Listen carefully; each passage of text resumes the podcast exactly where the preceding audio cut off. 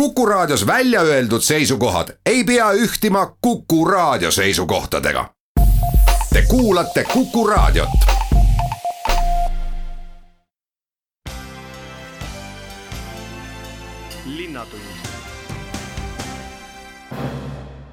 tere päevast! linnatund alustab. stuudios on saatejuht Ulla Lents, aga meie külalised, kes tänases saates räägivad, on paraku kõik telefonitoru otsas, sest kuna praegu ei ole mõistlik omavahel kokku saada, siis stuudiosse me ka mitte kedagi ei kutsu. küll aga ka Linnatunni saates räägime, kuidas linnaasutused töötavad ja anname nõu, kuidas selles eriolukorras oma igapäevatoimingutega hakkama saada ja kõige esimene intervjueeritav ongi meil juba täitsa olemas ja selleks on Tallinna Perekonnaseisuameti juht Karin Kask. tere päevast! tere päevast! no kuidas teie majas nüüd elu käib selles eriolukorras, et ega te sinna ka inimesi kohale ei oota vist? on paratamatuid teenuseid, mis nõuavad inimeste isiklikku kohaletulekut ja kõik need teenused, mis on seotud äh, nõudega, et inimesed peavad isiklikult kohale tulema, neid teenuseid me pakume nii palju, kui see vähegi võimalik on. ja need teenused, mis on meil e-teenustena võimalik teha, need me siis suuname kõik äh, e-portaalidesse e, avaldustesse, kuhu iganes võimalus siis loodud on et need küsimused lahendada siis läbi elektroonilise võrgu. no räägime nendest kõige pidulikumatest päevadest, et kas abiellumised on täiesti peatatud praegu? Eh, ei, abiellumised peatatud ei ole, me oleme teinud siinkohal mööndusi. Eh, abielude registreerimistega oleme leppinud kokku eh, Tallinna linnavalitsusega, et me registreerime abielud üksnes noorpaari osavõtul, see tähendab, et külalisi me saali ei luba kõik need noorpaarid, kes on sellise teenusega nõus, mm, ka abielud registreeritakse, aga on ka neid, kes seda ei soovi ja siis me viime üle, otsime uued kuupäevad, uued lahendused ja kõikidega nii-öelda suhtleme telefoni teel praegu. aga täna on meil näiteks kümme abielu ja kõik nad on nõus kahekesi oma abielu sõlmima ja seda me ka pakume oma ametis. millised on veel need teenused, mille puhul inimesed peavad tulema teie majja? Veel on selleks teenuseks eh, lapse sünni registreerimine mitteabielus olevatele vanematele. siis peab tulema nii ema kui lapse isa siia, et lapse sünd registreerida, et ühine või siis eraldi hooldusõigus valida, lapse nime otsustamine ja kõik niisugused asjad eeldavad isiklikku kohalolekut. ja see ongi meie kõige murelikum sihtrühm sest eh, vastsünnitanud emad on arvatavalt madalama immuunsusega väikesed lapsed, kes neil tihti ka kaasas on, sest neid ei ole kusagile võimalik jätta. ja nende pärast me just proovimegi teisi teenuseid nii eemal hoida, kui see vähegi võimalik on kui palju seda edasi saab lükata, et, et noh, praegu ei tule, et tulen võib-olla kolme kuu pärast? Eh, lapse sündi saab edasi lükata küll, on öeldud, et ühe kuu jooksul peaks registreerima või siis ka kaks kuud on see võimalus, aga selle taga ei ole ainult see seaduse pool, vaid selle taga on ka kõik toetused, puhkused, eh, haigekassa, nii et kui laps on rahvastikuregistrisse registreeritud, alles sellest hetkest on eh, lapsega võimalik edasi minna nende muude sotsiaalsete garantiidega ja sellepärast ma mõistan vanemate soovi võimalikult kiiresti lapse sünd registreerida kas mõni asi on veel, milleks tuleb teile kohale tulla? Eh, kohale tuleb tulla siis ka, kui on määratud abielu lahutamise kuupäev, mida me oleme juba varasemalt määranud. ja eile näiteks oli määratud üheteistkümne abielu lahutamise kuupäev ja üheteistkümnest kümme ka kohale tulid nii et eh, noh, inimesed ikkagi, kui nad on sellega arvestanud ja see oli neile tähtis, me telefoni teel nendega vestlesime ja soovitasime küll edasi lükata, aga nad ei olnud sellega nõus ja seetõttu tuli nad ka kõik ära eh, siis vormistada.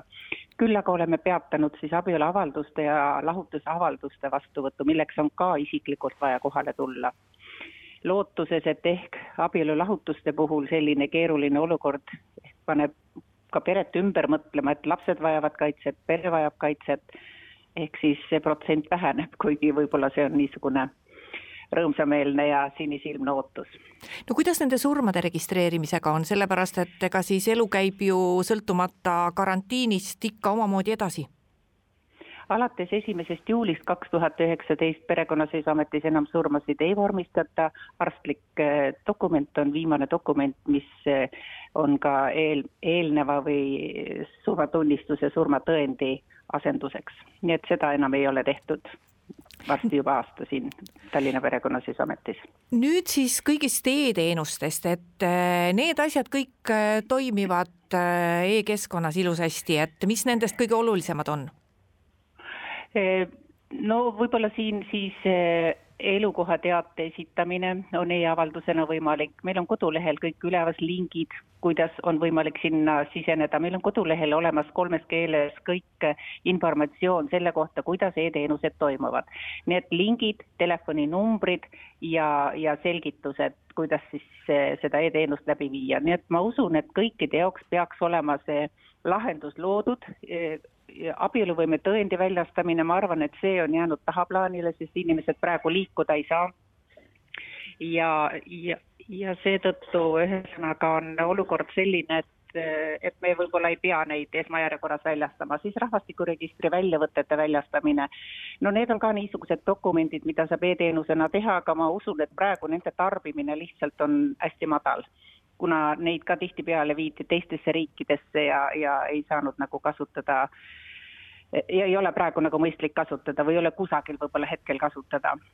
siis äh, uue nime andmine, no ma usun, et see uus nimi ka, mida inimesed tahavad oma nii ees kui perekonnanimesid vahetada, ei ole nüüd nii kiire teenus, mida peaks kindlasti praegusel hetkel tegema, kuigi elektrooniline võimalus selleks on olemas.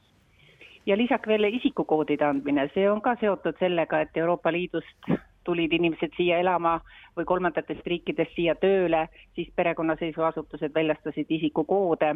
kuid praegu on see liikumine peatatud ja ma usun, et see on ka miinimumi läinud, see nõue. kuigi eilse päeva jooksul oli meil umbes isiklikult kohal saja inimese ringis. linnatund linnatund läheb edasi ja nüüd on meil telefonil Tallinna Linnatranspordi aktsiaseltsi juht Deniss Boroditš. tere ja kuidas teil siis elu nendes keerulistes tingimustes kulgeb? tere päevast, et äh, noh, kui vaadata seda teenuse sisu, siis teenuse sisu on meil sama. ega me graafikutes äh, ja väljumistes ei ole mingeid muudatusi teinud, me ikkagi igapäevaselt väljub meil nelisada kakskümmend kaks bussi, nelikümmend viis trammi ja kolmkümmend kaks trolli et mis on muutunud meie jaoks, on kindlasti, et äh, me natukene tekitasime sanitaartsooni oma juhtidele, et kaitsta neid, sest kui on terve juht, siis saab ühistransport toimida. vastasel juhul, et äh, iseenesest meil veel ühistransport ei liigu ja samuti, et me rakendasime täiendavaid meetmeid ka ühistranspordi puhastamisele. et need on need asjad, et äh, mida me teeme nagu võib-olla rohkem ja täiendavalt, aga üldjuhul ühistransport toimib, nagu ta toimis nädal aega tagasi, kuu aega tagasi ja, ja, ja minu meelest, et kuna transport on Tallinna linna, ütleme niimoodi, süda ja niikaua, kui ei ole liikumispiiranguid meil eh, linnas ega riigis kehtestatud, et transport peab olema tagatud. no linn on ka teatanud, et seoses sellega, et eh, võimalikult vähe oleks äh, lähedasi kontakte inimeste vahel, ei kontrolli munitsipaalpolitsei pileteid ja kas siis piletit ei peagi mm -hmm. üldse olema? noh, me ise lõpetasime juba eelmise nädala alguses piletite müügi äh, ühistranspordijuhtide käest, et äh, jah, otsusega linnavalitsus otsustas, et äh, Tallinna linna ühistranspordis äh, liikumine on tasuta kõigile, siis äh, jah, piletit enam olema ei pea, kuna see on tasuta kuidas bussijuhtidega teil on, et kas teie meeskond on rivis või olete pidanud ka väga palju inimesi koju saatma, kas siis karantiini või haiguse pärast, et äh, kuidas sellel rindel on? no äh, kindlasti, et äh, me rakendame täiendavad meetmed nende inimeste suhtes, kes saabuvad välismaalt, et neid me suuname nii nagu mujal riigis, et kaheks nädalaks nii-öelda kodukontorisse või karantiini samuti meil noh, muide igapäevaselt toimub ka arstlik kontroll meie juhtidele, kus kontrollitakse jooveseisundit ja paralleelselt vaadatakse ka üldtervislikku seisundit ühistranspordijuhtidelt ja kui on mingid nähud või ohud äh, tervisele, siis need inimesed saadetakse koju et need on niisugused ennetamismeetmed, et äh, me oleme ka informeerinud äh, ka hügieeninõuetest ja üldse nagu võimalikes ohtudes ühistranspordijuhte. Ja kui vaadata, et palju meil üldse haigete seis on, siis see on täitsa tavaline märtsi seis meil. et tutvalt suvi, nagu öeldakse, et äh, ei ole mingit eriolukorda, vähemalt tervisliku seisundi osas et täitsa tavaline märtsi seis, et mitte midagi erakordset hetkel. aga kuidas inimesed ise ennast tunnevad, et noh, et kui te juba juhtidele ka rääkisite, et tulevad sellised erinõuded, et inimesed ei tule enam bussijuhile lähedale, et sellest esimesest uksest ei saa sisse tulla, et kas, kas inimesed nagu läksid ka natuke paanikasse või üldiselt kõik on suhteliselt rahulik? noh, väga raske öelda, mulle tundub, et, et kuna sellest räägitakse palju ja kõik saavad aru, et eri, eriolukord on ikkagi eriolukord ja ja see ei ole päris tavarežiim, et natukene asjad erinevad tavakorrast, et ma, ma, ma näen, et mõistvat suhtumist ja arusaamist, et ei ole tegu standardse olukorraga, nii et et pigem ma ütleks, et täitsa täitsa mõistlik suhtumine on kõikide osapoolte poolt, reisijate poolt ja samuti ka juhtide poolt, et kõik saavad aru, et see teenus on oluline ja inimesed peavad ju oma logistilise käike tegema, olgu see tööle või töölt koju või, või, või poodi. ja kui vaadates praegu need meetmed, mis me rakendame, mina ütleks küll ja julgeks väita, et meil liikumine on ikkagi ühistranspordis, ei ole ohtlikum kui kaubanduskeskuse külastamine. kui palju te täiendavalt puhastate või mis te siis teete nende bussidega vahepeal? noh, et äh, üldiselt meil on nagunii kord selline, et äh, kogu ühistranspordiveerem äh, koristakse nii sees kui väljast, noh lisaks muidugi desinfitseerimine äh, iga päev.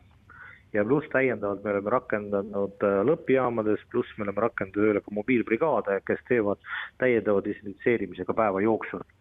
nii et selles mõttes, et võib öelda, et põhimõtteliselt kaks korda päevas me teeme seda täiendava desinfitseerimise. nii et ma arvan, et noh ei ole väga palju kohti, asutusi, ma rääkimata ühistranspordist, kus äh, nii tihedalt äh, teostatakse puhastust ühistranspordis, nii et selles mõttes, et, et me teeme oma tööd ja, ja tänud meie muidugi kollektiivile, et raskel ajal me suudame seda tööd täita, täita hästi. kas seoses sellega, et see busside koristamine on nüüd selline intensiivsem, on tulnud ka täiendava tööjõu vajadus? noh, praegu me, kuna meil on suur organisatsioon meie organisatsioonis töötab kaks tuhat inimest, et me suudame need asju ka kollektiivisiseselt lahendada. ja, ja õnneks, et meil on tugev kollektiiv, kes raskel ajal on, on näidanud valmidust, et teha nagu ka täiendavat tööd ja võib-olla ka teistes valdkondades. et paljud ühistranspordijuhid on ka Äh, näidanud valmisolekut, täiendavalt panustama ühistranspordi puhastamisse, nii et äh, ja tänu sellele me suudame neid olukordi lahendada ja kontrolli all hoida. üldiselt ju äh, ühistranspordis, kui see on puupüsti rahvast täis, et ega sa seal reisijate poole peal ju ei saa nii-öelda neid hõrendamisi väga teha, praegu sellest vist rääkida ei saa, et kui nüüd kasvõi linnas ringi vaadata ja arvestades seda, et noh, meil ju koolid ei tööta ja väga paljud inimesed on ka oma kont-, kodukontoris, et seda muret vist praegu ei ole, et hea küll, et bussijuht on seal oma kindlas tsoonis, kuhu väga lähedale reisijad ei tule, aga et inimesed -hmm. seal tagapool on ninapidi koos, et seda vist praegu küll ei ole? seda ei ole ja, ja minu meelest meie ülesanne on, on seda olukorda säilitada sest äh, mida hõredam, äh, hõredamad liinid, seda rohkem inimesi on, on sees ja, ja praegu on vastavad ka nii-öelda mm, privaatsus ja, ja ootsoon on ühistranspordis tagatud. nii et kindlasti ma arvan, et ei ole mõtet äh, liine hõrendada ja teiseks, et ikkagi Tallinna ühistranspordil on oluline roll ka inimese liikuvuses, et meil niikaua, nagu ma ütlesingi, kui kui ettevõtted töötavad, töötavad ka poed, töötavad tehased, töötavad teised ettevõtted ja, ja kõigil ei ole oma isiklikud autot, et me peame oma funktsiooni täitma. ja selleks peab ühistransport toimima, toimima täpselt tavasuguses samas režiimis, nagu ta on äh, ka muus olukorras ja, ja omalt poolt me muidugi peame tagama, et, et see nagu ohutu, et, et, et ühistransport on puhas. Deniss Boroditš, praegu on selge see, et kõik tegelevad selle igapäevaelu korraldamisega või õigupoolest küll selle ümberkorraldamisega. samas me loodame ju, et ikka ühel päeval see hull olukord laheneb, ehk siis ettevõtte igasugused perspektiivsed tegevused, ka uute busside soetamised, ka lepingute täitmised, ettevõtete arendamised, see kõik läheb edasi. et on teil ka praegu aimu, et kuidas nende lepingupartnerite juurest, kes, kust võib-olla tulevikus peaksid teie uued bussid või üldse transpordivahendid tulema, et kuidas seal elu läheb, et kas seal on ka oht, et keegi läheb pankrotti ja mingid lepingud ei pea et eh, kas on ka praegu mahti vaadata nagu tulevikku? no eks kindlasti me jälgime olukorda ja, ja eriti arvestades, et, et see aasta teine pool me ootame uusi busse ja, ja uut sada bussi, mis peavad äh, meie veeremit uuendama. Ja kindlasti me jälgime teravat olukorda, kas see peab paika, aga muidugi hetkel nagu ei ole ühtegi signaali, et, et, et see on ohtu seatud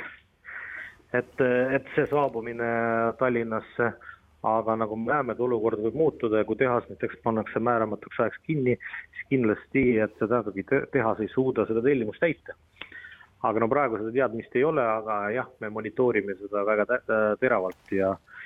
ja tõsi küll, et äh, kogu see teadmatus ja, ja, ja kogu see eriolukord, sest eriolukord ei ole ju ainult meil siin Eestis, vaid nagu kuulda on, olukord on põhimõtteliselt terves Euroopas, kui mitte terves maailmas, et see mõjutab äh, nii tootmisprotsesse, tarneaegasid ja, ja muidugi võib äh, tähendada ka plaanide muutust. aga noh, elame päev korraga ja, ja vaatame, et äh,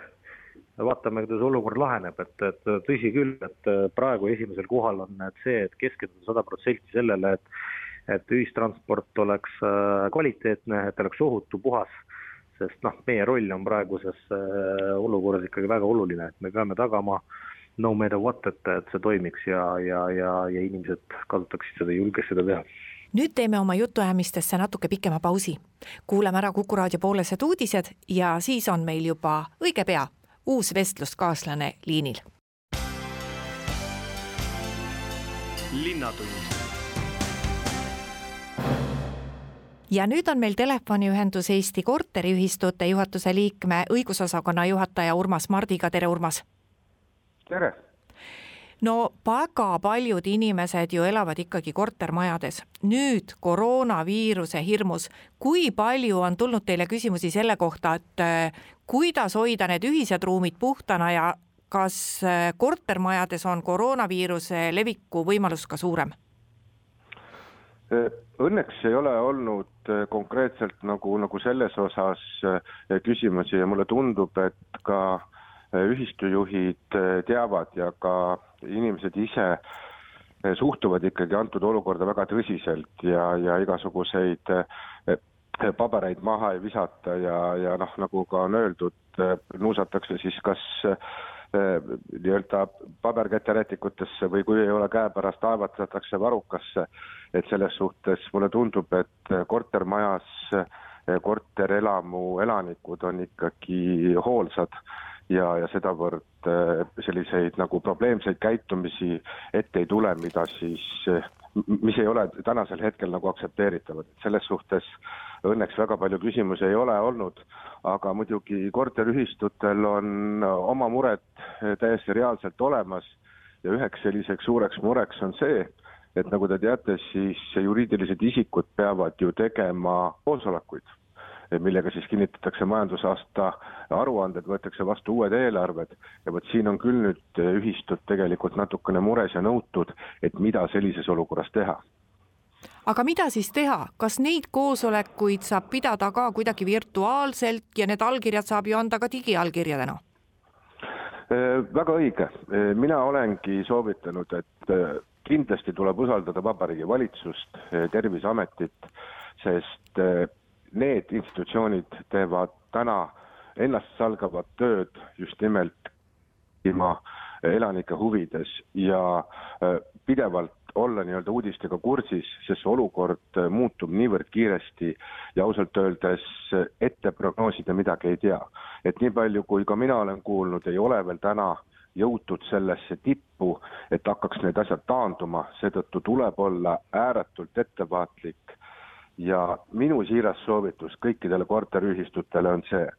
et ma tean, et aasta algusest, ütleme seal alates kuskil veebruari lõpust, märtsist kuni juuni alguseni on korteriühistute puhul põhiperiood üldkoosolekute kokkukutsumine ja nii-öelda oluliste dokumentide, milleks on siis just nimelt see majandusaasta kava, eel-, nii-öelda kinnitamine pluss siis uue vastuvõtmine, siis mina soovitaks täna kõigil Eh, võimalusel nende üldkoosolekute kokkukutsumist vältida, kus on väga palju inimesi, inimesi ruumis, noh, meil on ju olemas ju ka majad, eh, mis on kakssada neliteist korterit ja veel suuremad, eks, eh, lükata esimese tähtajani need kindlasti maikuusse. selleks ajaks me teame, mis toimub.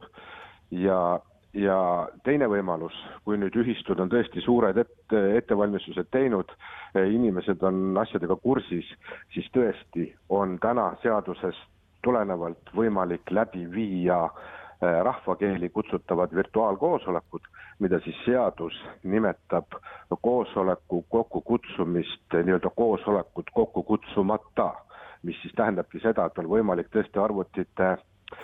teel eh, üldkoosolekud läbi viia, et inimesed üksteisega kokku ei puutu. et eh, see on üks võimalus, mida täna saab kasutada, aga juhul, kui on ja palju inimesi, kes võib-olla ei, ei ole harjunud selliste elektrooniliste eh, võimalustega või ka nii-öelda ankeetide täitmisega kodus,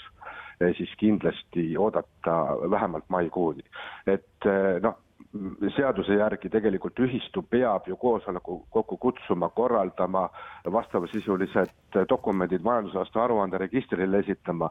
aga noh, täna on raske prognoosida, et juhul, kui tõesti seda tegelikult teha ei ole võimalik ja kehtestatud on eriolukord, et inimesed ei oleks äh, nii-öelda pidevalt kampapidi koos, et need, et takistada viiruse levikut, siis ma arvan, et õigusriik kindlasti ei hakka ka trahvima inimesi sellest asjast lähtuvalt, et, et nemad nüüd õigeaegselt oma aruanded ei esitanud, et noh, seda on küll raske hetkel prognoosida, aga mulle tundub, et see ei ole kohane, kui sellises olukorras koosolekut ei korraldata, jäädakse nii-öelda eh, tähtajaga hiljaks ja nüüd eh, hakatakse trahvima, et, et see ei ole mõistlik.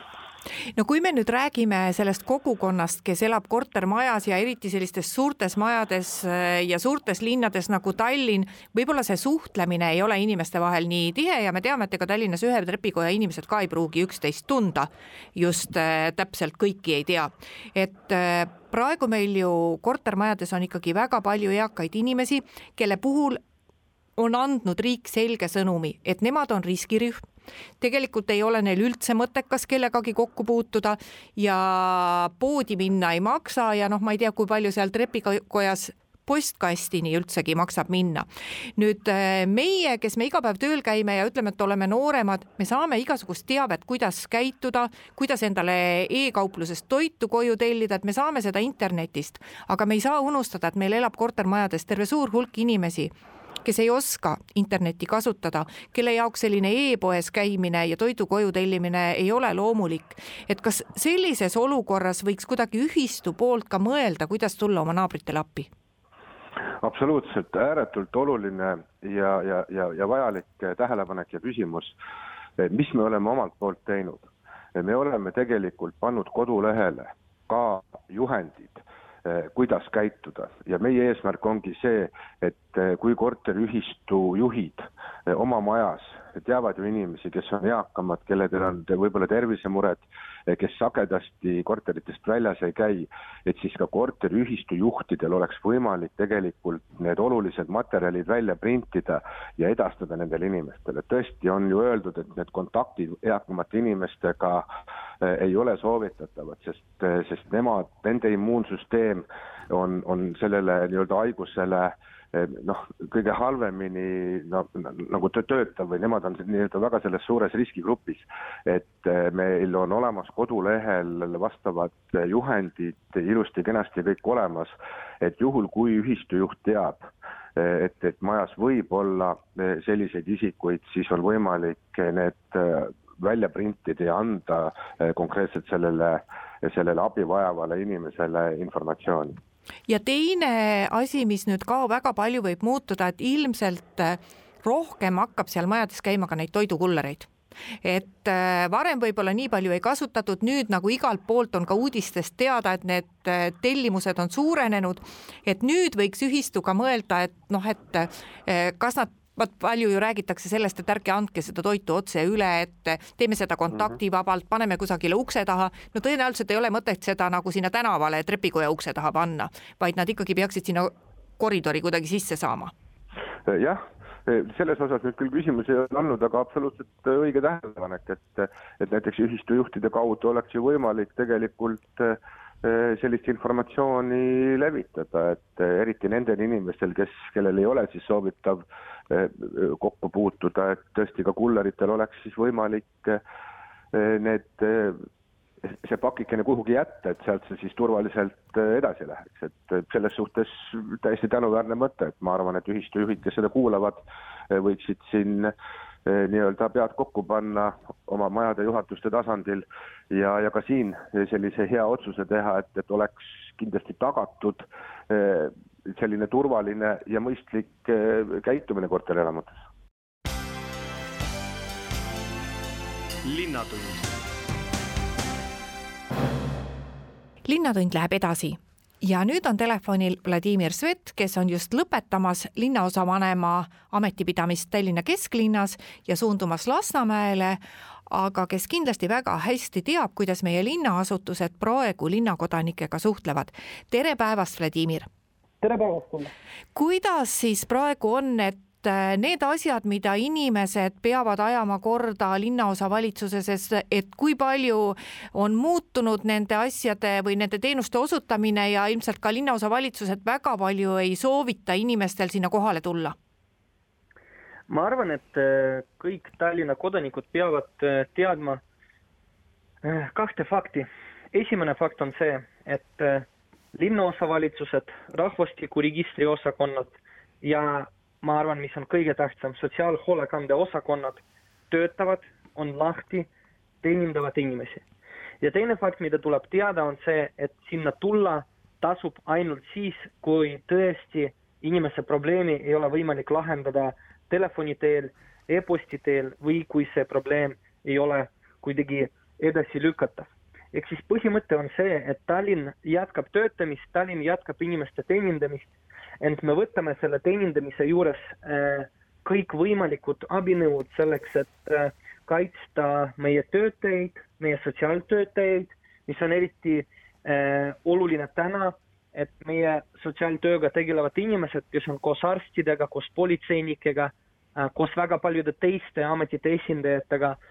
selle kriisi, kriisiga võitlemise esirindel ja nende kaitsmist me võtame väga oluliselt mm, ette, samuti väga tõsiselt suhtutakse sellesse, et inimene, kes tuleb sinna vastuvõtule, et tema saaks äh, oma käed desinfitseerida, et äh, tema saaks, kui tal on mingit äh, haigust nähtud, saaks äh, endale maski äh, teenindamise ajaks, et ta hoiaks distantsi töötajaga, inimesi teenindatakse ühekaupa. Nii et äh, võiks öelda nii, et äh, kriisist äh, lähtuvalt oleme võtnud ette kõik vajalikud abinõud selleks, et Tallinn jätkaks oma kodanike teenindamist no vaat praegu on antud äh, soovitus, et eakad inimesed ei tuleks kodust välja, et äh, nemad on riskirühm, nende võimalused väga raskelt haigust haigestuda on hästi suured, et äh, kuidas nende puhul toimetatakse, et kui neil tõesti ei ole neid lähedasi, kes võiksid neile toidupaki koju viia, et kuhu nemad pöörduvad siis? E, igal juhul äh, nii iga eakas inimene kui ka inimene, kes ei ole riskirühmas, kes ei ole teises vanuses, aga kes äh, peab püsima kodus ja kellel on raskusi endale toidu hankimisega või, või ravimite hankimisega või mingite kodutöödega, ta peab andma märku endast meie sotsiaalhoolekande osakonnale, võib saata lihtsalt kiri kontaktidega e-postile kesklinn, et tallinnalv.ee või oma äh, linnaosavalitsusele, et äh, kõik tavalised teenused, mida sotsiaalhoolekande osakond pakub äh, sellel ajal, kui ei ole koroonaviiruse kriisi, neid pakutakse ka praegu lihtsalt teatud abinõuna. ühtlasi me hoiame ühendust Terviseametiga et kui tekivad sellised nakatunud inimesed, kes püsivad kodus ja kellel pole lähedasi, kes saavad neile toidu tuua, siis me oleme valmis seda tegema Eh, juba tegelikult tavaliselt veel enne selle koroonaviiruse puhangut eh, me oleme kümnetele ja kümnetele inimestele päevas viimas toitu ja me oleme valmis seda tegema ka suuremale arvule inimestest. Eh, varsti me hakkame ise võtma ühendust nende eakatega, kes meie teada elavad üksi, selleks et neid informeerida isiklikult ka kõikidest viirusega seotud küsimustest uurida nende abivajadust, et natuke proaktiivsemalt äh, tegeleda selle nimel, et äh, kõige haavatavamad inimesed praegu ei tunneks end üksi ja teaks, kuidas vajalikku abi saada no kui palju te oma töötajaid peate kaitsma, te just ütlesite, et need, kes äh, võtavad vastu kodanikke, kes kohale tulevad, et äh, nende kaitsmiseks on nagu kõik tehtud, aga et noh, et kas inimesed on ka natuke hirmul, kas neid on ka nagu instrueeritud selles suhtes, vaat just need sotsiaaltöötajad, kes käivadki tavapäraselt ka kodudes, et noh, et tõenäoliselt tuleks sinna koju minna või oma kliendi juurde minna siis nii, et olla ikkagi natuke ettevaatlikum kui tavaliselt teate, ma arvan, et äh, ma arvan, et ükski inimene ei saa praegu väita, et ta ei ole mõelnud selle peale, mis võivad olla tagajärjed, kui tema haigestub, kui tema lähedased haigus, haigestuvad. ent äh, see ongi äh, riigi, kohaliku omavalitsuse, igasuguste asutuste töötajate kohustus ja vastutus olla sellest paanikast üle, teha oma tööd selle nimel, et ühiskond jätkaks toimimist ja mina võin kinnitada, et äh, absoluutne enamus nii kesklinna valitsuse töötajad kui ka teisi ametnikke äh, teistest asutustest, olgu need kohaliku omavalitsuse asutused, riigiasutused, võtavad seda tööd täie tõsisusega. Äh, nemad mitte lihtsalt ise ähm, ei satu paanikasse, vaid nende töö on ka teistele inimestele selgitada olukorda, maandada hirmud. ma arvan, et inimestena äh, kõik äh, kardavad, ent samas äh, professionaalidena me äh, oskame olla sellest äh, hirmust üle ja teha oma tööd äh, selle nimel, et, et inimesed saaks mm, saaks seda, seda kriisi üle elada ja sellest üle saada. kas meil on olemas ka võimalusi töötajaid ümber paigutada või töötajate see reserv, et noh, et juhuks, kui tõesti neid kodus osutatavaid teenuseid tuleb osutada rohkematele inimestele, et no kasvõi neid toidukotte koju viia, et siis oleks keegi, kes seda teeb.